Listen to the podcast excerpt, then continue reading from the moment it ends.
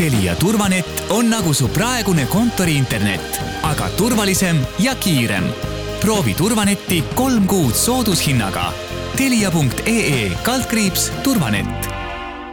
kuku raadios välja öeldud seisukohad ei pea ühtima Kuku raadio seisukohtadega. Te kuulate Kuku raadiot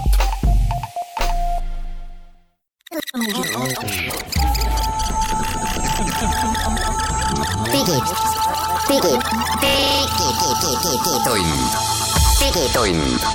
digitunni tulevikulahendused ja 5G toob sinuni Telia tere, head kuulajad, käes on maikuu kõige viimane esmaspäev ja Digitund on teiega nüüd, et järgmise äh,, järgmise tunni jooksul rääkida teile tehnoloogiamaailma uudiseid. meie oleme täna kolmekesi teile äh, siin vahendamas neid teateid, mina olen Hans Lõugas, Henrik Roonemann veel ja Glen Pilvre. me räägime teile siis sellest, kuidas Eestis valmistub esimene mobiilioperaator mitte avama uut võrku, vaid hoopis lubab ühe mobiilivõrgu täiesti kinni panna ja me oleme sunnitud jälle loomulikult rääkima sellest, et mobiil-ID, Smart-ID ja ID-kaardiga olid väga tõsised tehnilised probleemid. räägime ka sellest, et eh, see lihtne USB juhe, mis on tänapäeval noh, kõigeks mõeldud, eh, saab ühe olulise uuenduse, hakkab võtma rohkem voolu. Aga miks see vajalik on ja mis võimalikud probleemid sellega seostuvad, arutame seda. Ning äh, Glen tahab meile rääkida uuest OnePlusi telefonist, me räägime natuke laadijate võimsusest ja, ja kuna ilus ilm on väljas, siis me räägime ka üherattalistest, sest Glen on stuudios, aga lähme saate juurde. digitund, digitund räägime siis jah, tõesti sellest, et meil on nüüd selline aeg käes, kus mitteoperaatorid ei ava ainult uusi võrku, vaid ka sulgevad. Ja jutt on siis sellest, et Telia Eesti on lubanud kinni panna oma 3G võrgu. kas te mäletate seda, kui 3G tuli Eestisse, see oli ikkagi uskumatu, mobiilne internet. See oli väga uskumatu jah, sest 2G äh, peal ei saanud ju midagi teha, ma mäletan, oli äh, aastat ma nüüd küll ei mäleta, aga oli üks minu meelest mingi pressiüritus, mis tehti kuskil Pirita jahtklubis või, või mingi, isegi äkki mindi laevaga sõitma Tallinna lahe peale mingi jahiga. ja siis äh, olid need, vanasti käisid sülearvutites, kui mäletate, sellised lisakaardid no umbes pangakaardi suurused, aga natuke paksemad. siis oli Nokia 3G äh, selline andmesidekaart oli, mille ma siis sain panna oma musta IBM-i äh, arvutisse ja siis kasutada noh, täiesti kasutuskõlblikku normaalset mobiilset andmesidet, jah no tegelikult 3G ju oligi seesama esimene, noh, esimene nagu päris andmeside, ütleme niimoodi et mis ikkagi võimaldas ja. ka mingit sidet, 2G oli juba, oli lihtsalt nii aeglane, et sealt nagu ei vast ei tulnudki suurt midagi läbi.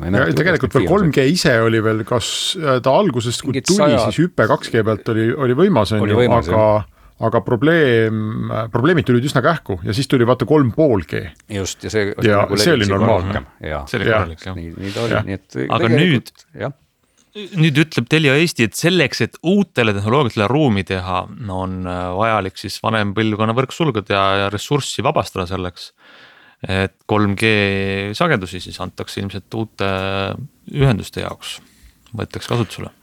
Äh, ja ma suhtlesin nendega natukene ja, ja, ja sain selle plaani täitsa sellise pildi ette, et ma võin tutvustada teile ka, et plaan on siis kaks tuhat kakskümmend kolm lõpuks ehk homme ei juhtu mitte midagi.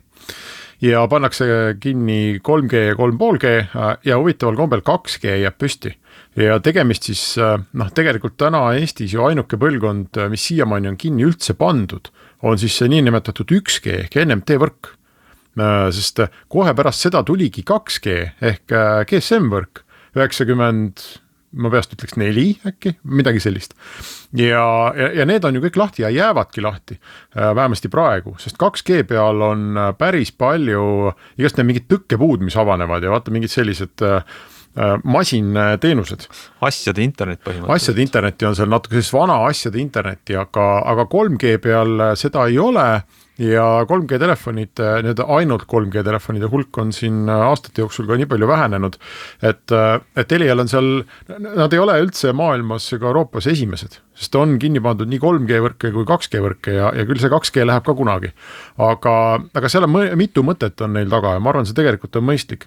esimene asi, mis nad ütlesid, on see, et, et, et nende võrguseadmete tootjate tugi äh, on kadumas või kadunud ehk et kui noh, mis iganes turvaaugud, tarkvarauuendused, mingid värgid on ju, mis seal on, neid ei saa enam.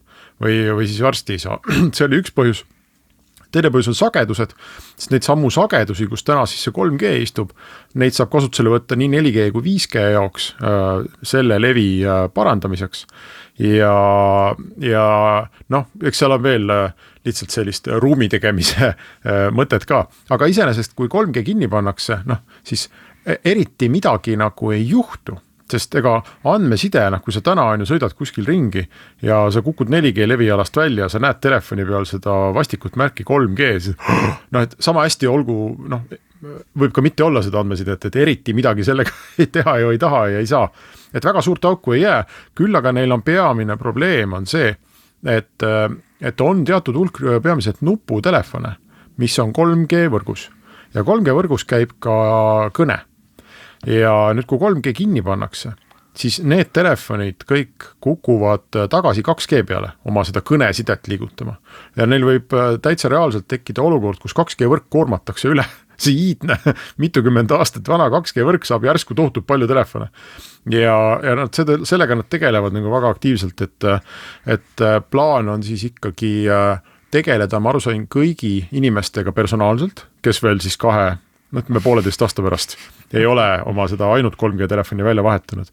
Äh, neil on juba täna on müügil üks äh, nii nuputelefon, mis on äh, 4G ehk siis selle nimi on Volte, Voice over LTE 4G kõnetoega, see on Nokia kaks kaks viis, maksab viiskümmend üheksa eurot äh, aga et nad plaanivad neid veel nagu juurde saada, ehk et tehakse siis pakkumisi ja noh, ma saan aru, et suhteliselt niimoodi käe kõrval tuuakse need viimased inimesed siis ka 3G võrgust ära. no siin on tegelikult ja ma lisaksin, et see et see on ka natukene segane just seesama kõne ja andmeside pool, et tegelikult ju seni see voice over LTE või ütleme ajad tagasi oli pigem nagu eksootiline, täna on ta juba nagu tavaline, ehk et kõned ju suures mm -hmm. osas toimusidki selle vana võrgu baasil, eks ole, aga, aga lihtsalt nüüd on liikunud asi sinnamaani, et, et, et voice ehk kõne liigubki ka siis üle LTE võrgu et, et, et see, see ei ole kuidagi otseselt seotud noh, andmeside kiiruste ja nende nii-öelda, kui me räägime, räägime sellest, kus, mida saab teha, see kõne pool on nagu hoopis teine asi, mis on nagu võib-olla tundub nagu mõnevõrra segane. No igatahes Telia ütles mulle, et kõik äh, telefonid, mida nende esindustes täna üldse mm -hmm. saab osta uuena, on juba selle 4G Volte kõne toega. nagu. jah, küll aga noh, mobiil, mobiilivõrk on ju lahtine standard on ju, et sa võid tegelikult osta kusagilt pärapõrgust mingisuguse 2G või 3G telefoni tulla Eestisse, paned SIM-i sisse ja ta ja, töötab. ja, ja samas ikkagi täna on see, see on kusagil umbes pool telefonidest on Voltel toega, et tegelikult teine pool ei ole, teine pool ikkagi möllab seal madalamal.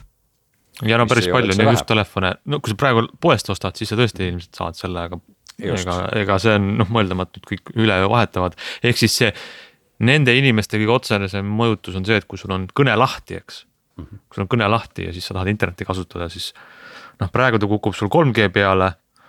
ja siis, kui seda ei ole. no siis, siis kukub kõne sul 2G peale, aga seal ei tohiks küll kvaliteedis vähemalt ma julgeks väita, et mingisugust vahet olla, selles mõttes, et kvaliteet on suhteliselt ära nuditud mõlemal juhul, et kvaliteedi tõus on ainult selle Volte puhul jah, just, aga ühesõnaga noh, ma arvan, et on mõistlik, et nad niimoodi väga teada andsid sellest äh, praegu, et nüüd on poolteist aastat aega kõigil sellega tegeleda. ja noh, mingit sellist hirmu ei ole, on ju, et kellelgi homme lihtsalt telefoni nii-öelda, telefon tummaks jääb, et. et see on paratamatu, ma olen täitsa kindel, et seda teevad kõik operaatorid Eestis äh, võib-olla samaks ajaks mitte lausa poolteist aastat, lausa kaks ja pool aastat, sest äh, ma loen välja, et nad ütlevad, et kaks tuhat kakskümmend kolm aasta lõpuks pannakse. aa jaa, siis on kaks ja pool isegi jah, õige, õige. noh, selle ja. ajaga, see on tegelikult ju sellises tarbijaelektroonikas ikkagi aeg, kus võib täitsa ilusti uus põlvkond tulla nuputelefoni ka peale. see on tõsi, aga teeme siia pausi ja siis lähme edasi.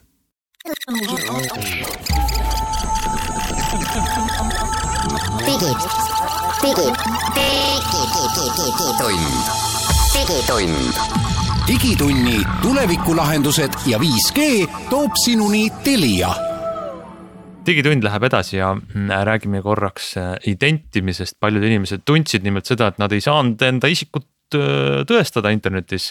Eelmisel, äh, mis kuupäev see täpselt oligi, kes oskab mulle nüüd. nädal aega tagasi, eelmisel reedel ja laupäeval ehk siis kakskümmend üks, kakskümmend kaks äh, mai just, täpselt ähm, olid äh, suuremat sorti segadused jah, nii ID-kaardi, mobiil-ID kui Smart-ID-ga mm,. loomulikult nagu, nagu tavaliselt selle firma puhul siis äh, plaaniliste uuendustööde käigus äh, ja oli häiritud mobiil-ID väljastamine, Smart-ID konto registreerimine ja, ja laupäeval oli ka häiritud mobiil-ID kasutamine ja nii edasi, nii edasi, mingitesse teenustesse sisse logimine.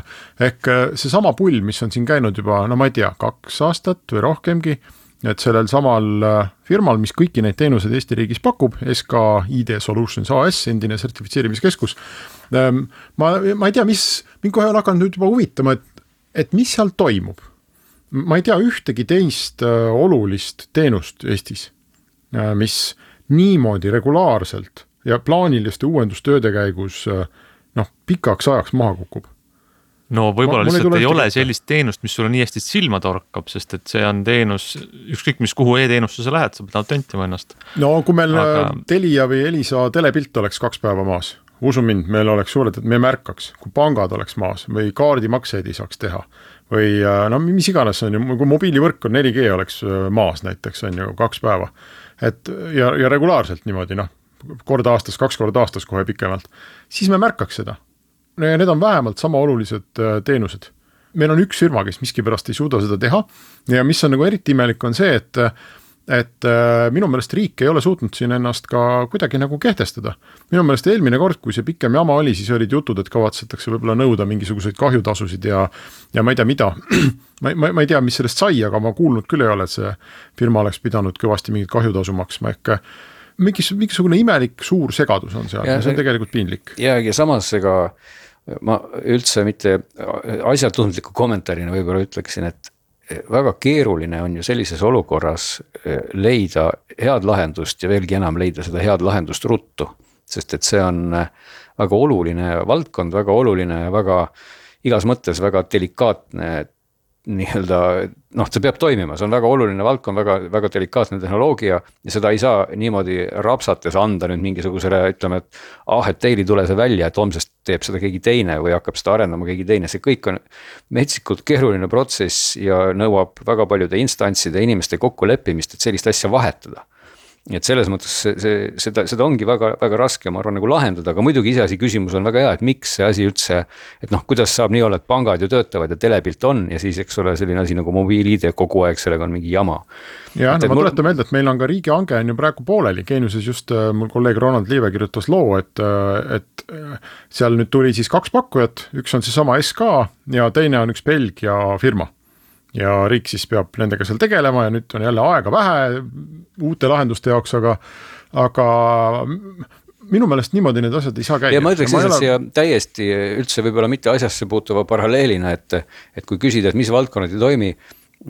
mina Leafi omanikuna, Nissan Leafi omanikuna tean väga hästi, et Nissan Leafi keskkond, mis peaks toimima seal nii, et ma saan oma autot kaugelt vaadata, see reeglina umbes kaheks kuuks aastas crash ib või kukub maha.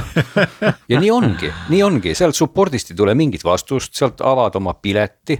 siis läheb jälle aega, siis ta on elus paar kuud ja siis ta kukub jälle kuuks ajaks maha no,. ja no., ja, ja, ja ma ei ole aru saanud, kuidas on võimalik, et firma, kes teeb auto, mis sõidab tegelikult ühest punktist hästi väga väga kindlalt ja väga lagunemata ei ole võimeline tegema keskkonda, mis peaks netis vastu, täiesti absurdne no,. võib-olla su imestuses tegelikult on vastus juba peidus, et nad ei oskavad autot, aga mitte keskkonda. jah, aga, aga siis võiks ju palgata, ühesõnaga, et see, see, see lihtsalt nagu näitena näitabki, et, et tegelikult ilmselt on olemas firmasid ja inimesi, kes lihtsalt ei suudagi neid asju teha ja nad ikkagi teevad no, no vot, aga mina jällegi, ma ütlen ka, et ma iga, ei tea sellest teemast mitte midagi lähemalt rohkem kui teie, aga mina kodanikuna jällegi vaatan, et. no ilmselt see ongi, nagu te ütlesite, hästi keerukas teenus, mida pakkuda ja veel mitu erinevat teenust, on ju. ja mõnes mõttes mina olen ikkagi rahul, et seda noh, ma kujutan ette, see tulekahju kustutamine oli seal päris nagu intensiivne aga et see tulekahju süttis, noh, see on nagu jutumärkides on ju.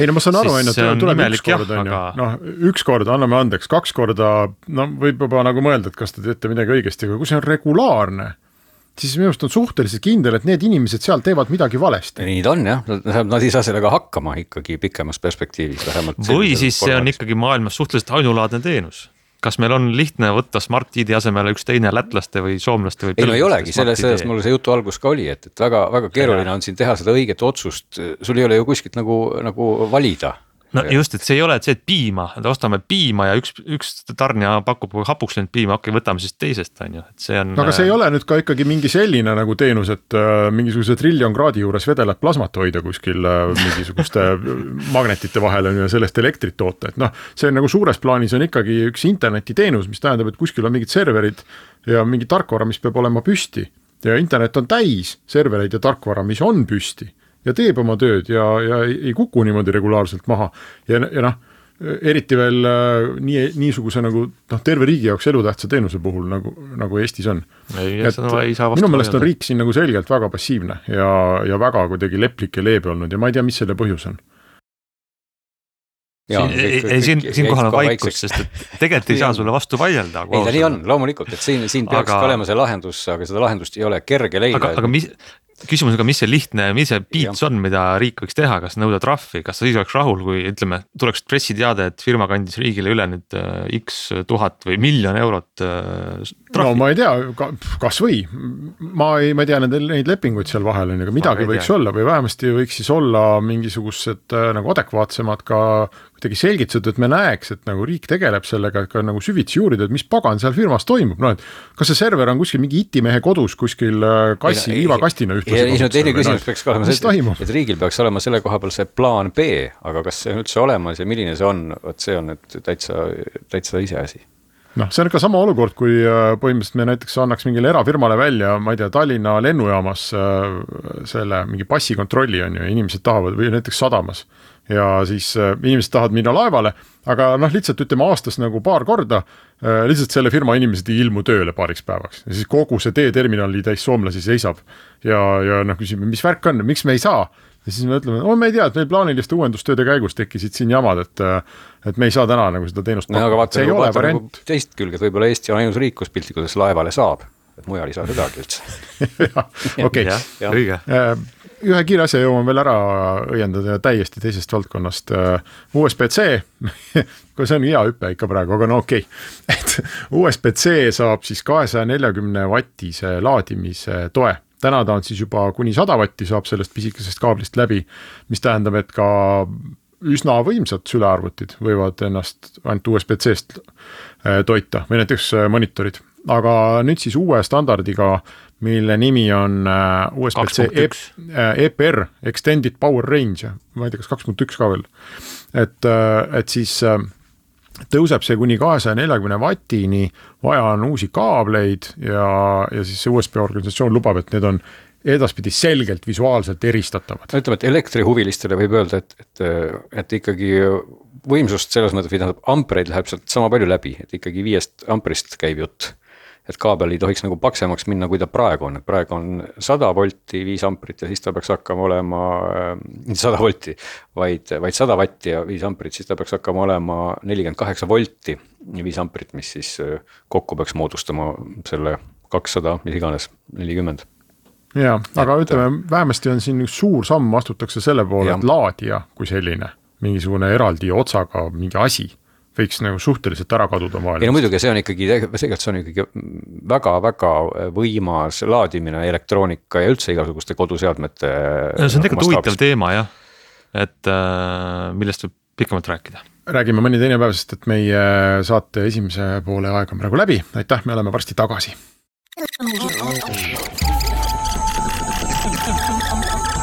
digitund digitund. digitunni tulevikulahendused ja 5G toob sinuni Telia. digitund läheb edasi ja meil on nüüd äh, kingitus vaja lahti pakkida, et Glen, äh, sa oled saanud ühe kasti ja sa oled seda kasti ka näidanud ja see kast, äh, kuidas siis kirjeldada, see on, kui te kujutate ette jõulukingitust, kus sees on noh hästi palju sokke ja kampsuneid siis ta on niisugune paras, näeb välja nii suur kast, aga tegelikult on see lihtsalt uus telefon. ja see on umbes, ütleme siis eh, punane kast, mille külje pikkus on, on viiskümmend sentimeetrit umbes, noh pool meetrit kuubik siis nagu? no põhimõtteliselt kuubik jah, ja selle. kui suureks need telefonid on läinud, tekib küsimus aga see tegemist on siis jah, OnePlusi äh, nagu katsega siis pressiinimesi kuidagi üllatuma panna ja tegelikult loomulikult pani see üllatuma, kui kuller mingi sellise peaaegu, eks ole, ma ei oska öelda, kümnekilose kasti ukse vahelt sisse vedis sest seal sees on siis tegelikult hästi palju pappi, mitte seda, mitte siis slängis pappi, vaid, vaid seda pappi, millest kaste tehakse. ja, ja seal sees on nüüd kaks telefoni, seal on siis OnePlus üheksa Pro ja ja OnePlus üheksa pluss siis ka hüper super kiirlaadija ja siis igasugused paksud raamatud ja ilusad pildid sellest, kuidas esimesed inimesed käisid kuu peal ja tegid seal Hasselbladi kaameratega pilte, sest teatavasti. OnePlus on selle üle väga uhke, et ta on nüüd suutnud kuidagi Hasselbladi omale meelitada ka sinna karpi.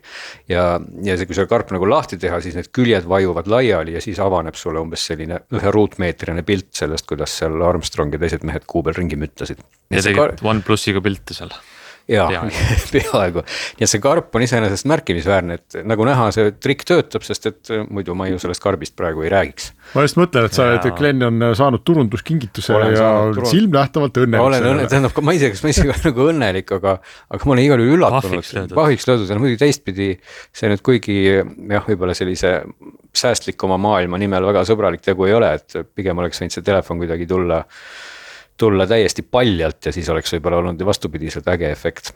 aga, aga igal juhul OnePlus on siis jah teinud kaks telefoni nüüd jälle valmis, mis on läinud natuke kallimaks, aga see-eest ei ole üldse halvad telefonid, kui üldse telefonid saavad nagu huvitavad olla, sest ma pean nagu tunnistama tõesti, et. et selle saades praegu uut telefoni, siis see karp tundub vaieldamatult kõige huvitavam osa selle telefoni juures. me kavatseme sellest nüüd ju terve lõigu rääkida, sa põhimõtteliselt tõmbasid noh, alla vett no ütleme, et võib-olla, võib-olla ha haagib sellega ka meie eelmise, eelmise teemaarenduse nii-öelda toon, milles me siis rääkisime USB laadimisest, et, et, et saab neid telefone laadida kuuekümne viie vatiga muide, mis ei ole küll kakssada nelikümmend, aga mis on ikkagi telefonide mõõtkavas ka kõvasti ehk et ei ole palju või ausalt öeldes ma pole väga täpselt ka uurinud igasugust teiste telefonide hingeelu, et kas üldse kuuekümne viie vatiga saab laadida mõningaid teisi telefone. võib-olla saab, aga, aga mulle tundub see ikkagi suur number. see tähendab seda, et. jaa, kas see ei olnud mingi mitte Huawei või no,? no igal juhul Huawei jah, seesama, mis neil oli ka see P40 tippmudel, see võimaldas ka üüratut kiiret laadimist, mis tähendabki siis seda, et, et kui sellel telefonil on, OnePlusidel on siis nelja ja poole ampertunnised akud mõlemal ja selle saab siis täis põhimõtteliselt alla poole tunni selle, selle laadijaga, mis on tal karbis ja, ja peab ka tunnustavalt märkima, et, et mitte nüüd küll selles, ainult selles suures pappkarbis, vaid ka tagasihoidlikumas karbis, mida siis ostjad saavad. on komplektis laadija, et teatavasti no, see, nii Apple kui on... Samsung on seda sealt ära võtnud, eks ole. just, just ma tahtsin öelda, et mõnes mõttes on see kas see nüüd Hiina tootjate selline eelis maailmaturul või, et äh, tegelikult on ju äh,, sa saad tänapäeval ostad uue telefoni, saad sa juhtme kaasa. aga seinapistikut mitte. ja, ja mõnes mõttes on see tead, ma saan aru sellest mm, nii-öelda üllast eesmärgist, et vähendada neid äh, selliseid pistikud, mis sul kodus on või siis äh, sul on, sul on vanadest telefonidest, sa kasutad mõnda muud USB pesa. Äh, et mis sa siis paned seda kaasa aga äh, laadija tehnoloogia areneb edasi ja selles mõttes on see nii-öelda laadimispistiku ikkagi müümine, noh, sellel on nagu selge kasu. ei no muidugi, eks seal on see teine aspekt ongi puhtalt selles, et ega siis nii, nii siin mainitud Samsung ja Apple, nad ju pakuvad samamoodi laadijaid kiiremaid ja aeglasemaid, aga, aga nad jätavad selle targu, targu karbist välja ja see lisatasu, et kui sa ikkagi mõtled tõesti, et selle OnePlusi karbis on juba kuuekümne viie vatine kiirlaadija ja see telefon ikkagi noh, see tippude tipp äh, nüüd, mis on siis Pro, peaks maksma meil üheksasaja euro ringis, seal on küll mingi konfiguratsiooni erinevused ka veel, et kui sul on seal kaheteist gigabaidise RAM-iga mudel ja, ja vist oli kakssada viiskümmend kuus giga salvestus, siis see vist ikka hiilib sinna juba tuhande peale, aga, aga põhimõtteliselt natukene lahjem Pro, millel on siis kaheksa gigabaiti RAM-i ja, ja sada kakskümmend kaheksa salvestust peaks olema üheksasada eurot, mis ikkagi on on nagu mõistlik, noh, ma ei tea, kas on raske nii öelda, aga ta on, ta on ikkagi tunduvalt odavam kui tippklassi kasvõi Samsung ja Apple, eks ole, mis on ikkagi mõlemad seal kõvasti üle tuhande. ja kui selle no, raha eest saad, trend, saad, saad vaata... ikkagi laadija ka kaasa, siis on juba veel ägedam, on ju. Tegelikult ju, mis on see turul toimunud, et Samsung ja Apple ju ronivad mööda redelit ülespoole kogu aeg hinnaga, tippmudelite hinnad lähevad, on juba ammu neljakohalised, eks ja selles mõttes on see OnePlusilt nagu noh, ta kunagi oli selline, mis see, mis see tema lubadus nagu oli, et ta oli äh, väga odav ja soodne kvaliteet. ei no need, need ajad on suhteliselt möödas loomulikult, oli väga yes. odav, eks ole, aga, aga noh, ta ikkagi on veel täna ta ikkagi veel täna on odavam, on ju. aga, aga muidugi ta ei ole nii palju odavam, aga teistpidi nüüd tõesti olles nende telefonidega siin proovinud natukene asju ajada ja pilte teha kõik on seal suures plaanis väga hästi, et nüüd on ka OnePlusil äh, küljes siis IP ametlik sertifitseering, nad on nüüd ka kuuskümmend kaheksa ehk et põhimõtteliselt siis veekindlad. minu arvates varasematel aastatel on nad kuidagi selles osas olnud natukene kokkuhoidlikud, nad on küll öelnud, et telefon on peaaegu veekindel, aga me pole päriselt proovinud, sest see maksab raha ja, ja, ja nii edasi. nüüd on see number seal küljes, eks ole endiselt noh, seda ei ole ühelgi Android telefonil peale Huawei küll ei ole tal seda näotuvastusega lahti tegemist, mis siis infrapunakaameral baseeruks, nagu on iPhone idel on ju et tal on sõrmejälje sensor ekraani all, toimib väga hästi, väga ruttu, et põhimõtteliselt selles mõttes kõik on seal nagu väga-väga igav, ekraan on erakordselt hea, nii sellel siis sellel Pro mudelil kui teisel ja, ja muidugi on seal siis need Hasselbladi kaamerad või õigemini mitte siis küll Hasselbladi kaamera on vale öelda, aga Hasselblad on siis ulatanud oma fotograafiliselt maagilise käe, et, et telefonidega tehtud piltide värvid oleks siis ilusad ja ilusamad ja loomulikud. Ja tõepoolest nad on, nad on kindlasti ilusamad kui eelmisel OnePlusil ja ja kannatavad võrdlust võib-olla ka siin äh, iPhone'i ja, ja Samsungiga, eks ole, et mul oli siin võrdluseks võtta see Huawei tippmudel, tegin mõned pildid. peab küll tunnistama, et endiselt OnePlus kipub nagu ka Samsung pilte ikkagi metsikult üle teravustama, et nad on küll väga, väga detailsed ja, ja väga, väga kenad nii valges kui pimedas, aga nad on nagu hästi sellise peeneteralise teravustamisega, noh kui keegi Photoshopi kasutab, siis seal on see, kui Sharpenigil keerad seal mingisuguseks null koma selleks teravustamise ühikuks ja siis.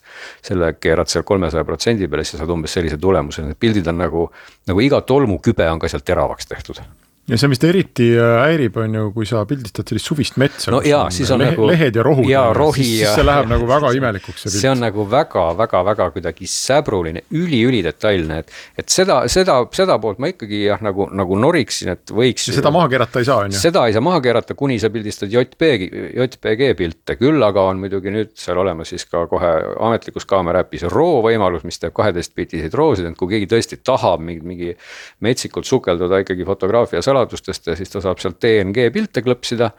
ja, ja DNG RAW faile siis Lightroomis või kus iganes mujal ilmutada jutumärkides ja, ja keerata teravust üles ja alla, nagu ta ise tahab, et seal saab nagu sellest töötluse, töötluse poolest tegelikult mööda, eks ole ja, ja sellel Prol on ka uus, uus Sony sensor, viiekümne megapiksline põhikaameral, mis noh, muidugi pilditöötlus on seal olulisem pool ilmselt, nii et, nii et ta kvali-, kokkuvõttes on ta, on ta väga suutliku kaameraga küll, mida siis ei ole, ei ole väga ütleme sellist äh, suurt optilist suumi, et noh. kolme koma kolmekordne optiline lainurga suhtes on siis sellel Prol, aga teisel on see üldse ära jäetud, aga, aga noh nii, niimoodi üldistusena võikski öelda, et kui nüüd veel võrrelda nende kahte telefoni nagu omavahel, et, et kui peaks ostma siin sellise tippmudeli, mis on ikkagi suhteliselt hea hinnaga, siis tegelikult see OnePlus üheksa on, on ikkagi väga konkurentsivõimeline telefon, et seal ei ole küll seda seda telekaamerat, aga ta maksab paarsada eurot või isegi kolmsada eurot veel vähem. no vaatame, mis need hinnad on, kui see Pro seitsesada jah seitsesada, okei okay., kas äh,, ma tulen korra laadimise juurde tagasi sellepärast, et see nagu huvitav uuendus, et. mina olen tegelikult noh, umbes ma ei tea, üheksakümmend protsenti oma telefoni laadimistest teen juba juhtmevabalt.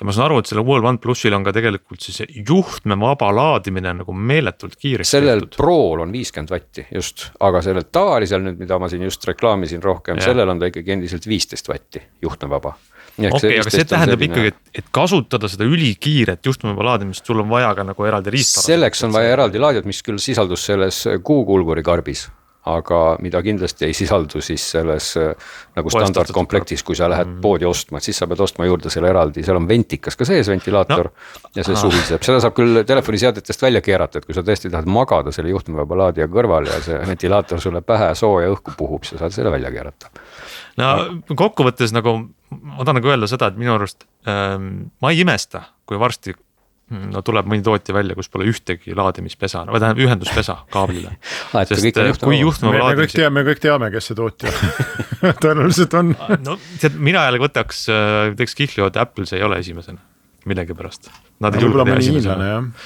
aga, aga ma ühesõnaga, et jah, laadimiskiirused sellised on, siis see juhtmevaba, see ajab asja ära. ja, ja noh, loomulikult on seal, eks ole, 5G asja juures ja mida tuleb ka veel võib-olla nagu videoresolutsiooni poolt, mis on nagu huvitav fakt, mida mainida, et, et Pro võimaldab nüüd ka teha siis noh, muidugi 8K videot teevad nad mõlemad, 8K ja kolmkümmend kaadrit sekundis, et tegelikult kui me mõtleme, et kaheksa K videokaader on sisuliselt seal, kui ma ei eksi, oli see mingi kuueteist megapiksline pilt, ehk sisuliselt võib seda tõlgendada nagu sarivõtte kiiruseks kolmkümmend kaadrit sekundis, mis oli kunagi fotoaparaatide skaalal täiesti ulmeline, eks ole. siis 4K puhul see Pro teeb sada kakskümmend kaadrit sekundis ehk see tähendab sisuliselt sada kakskümmend kaheksa megapikslist pilti. et, et see on ikkagi nagu märkimisväärne, kuhu see riistvara suutlikkus on läinud, et, tavaline üheksa OnePlus teeb siis ikkagi 4K-d, teeb kolmkümmend kaadrit sekundis, aga nii et ühesõnaga, nad on head telefonid selle raha eest, aga kui te tahate, tahate sellist mõistlikku ja väga head telefoni, siis üheksa, OnePlus üheksa on hea valik. ja me teeme siia pausi ja siis läheme viimase lõigu juurde.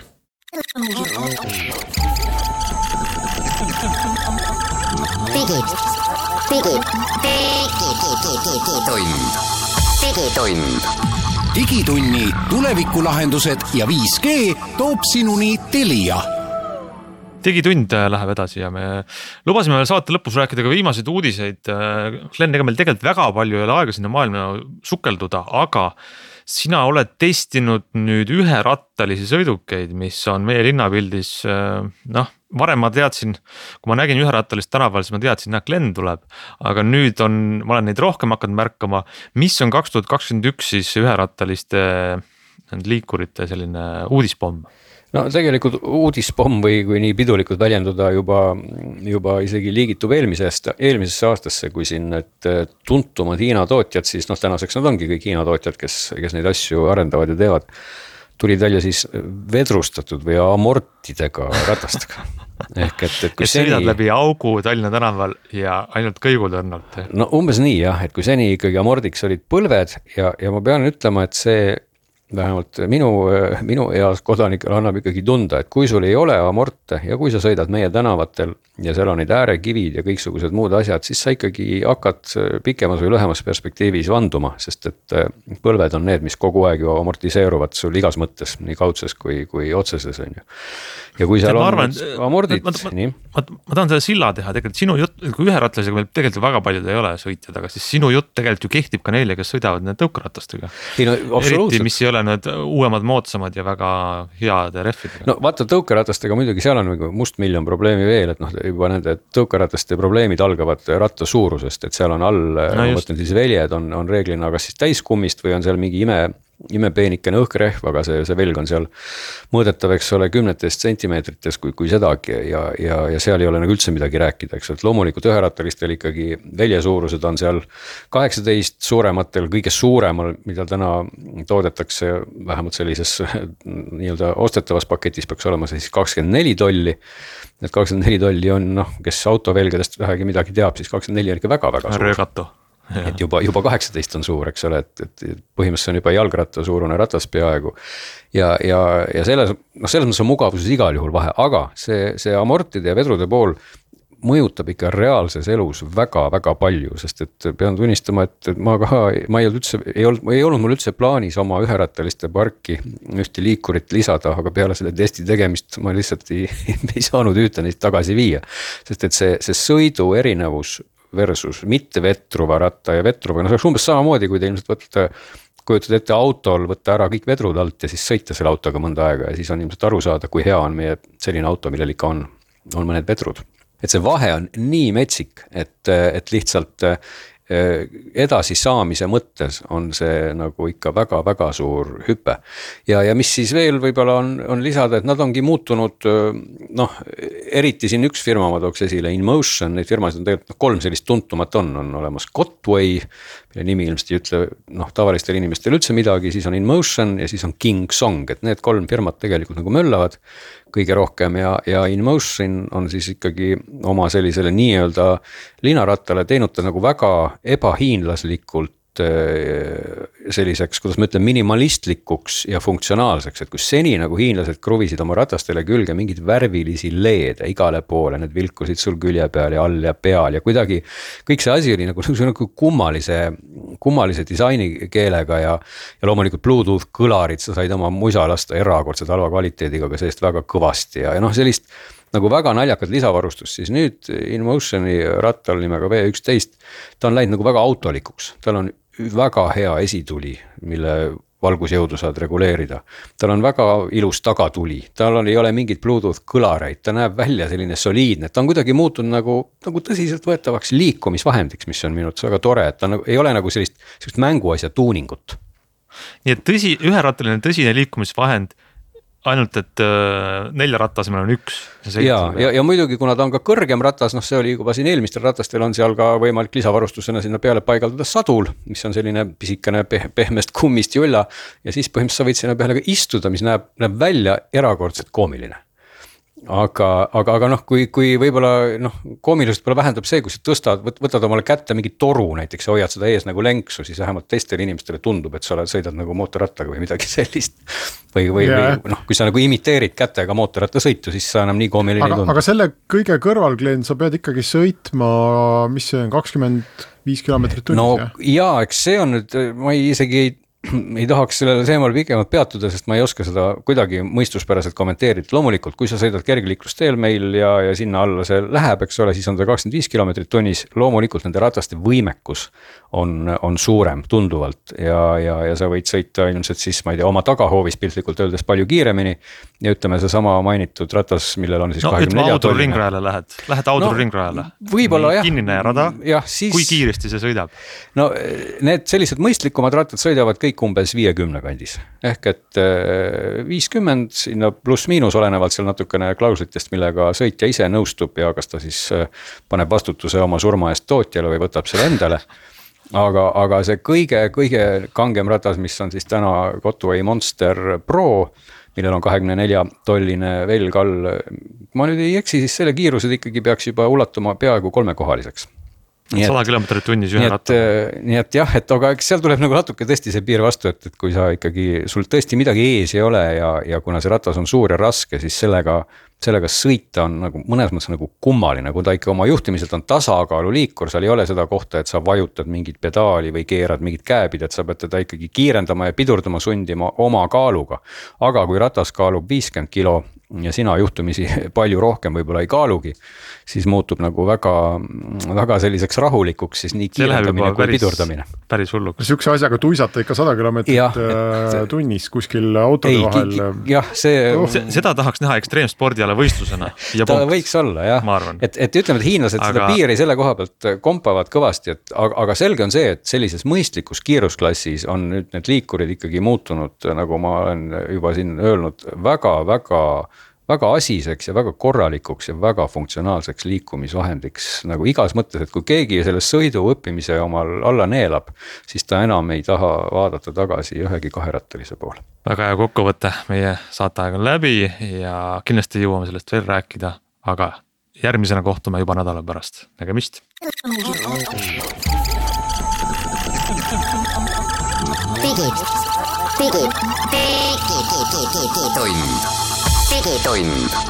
digitunni tulevikulahendused ja 5G toob sinuni Telia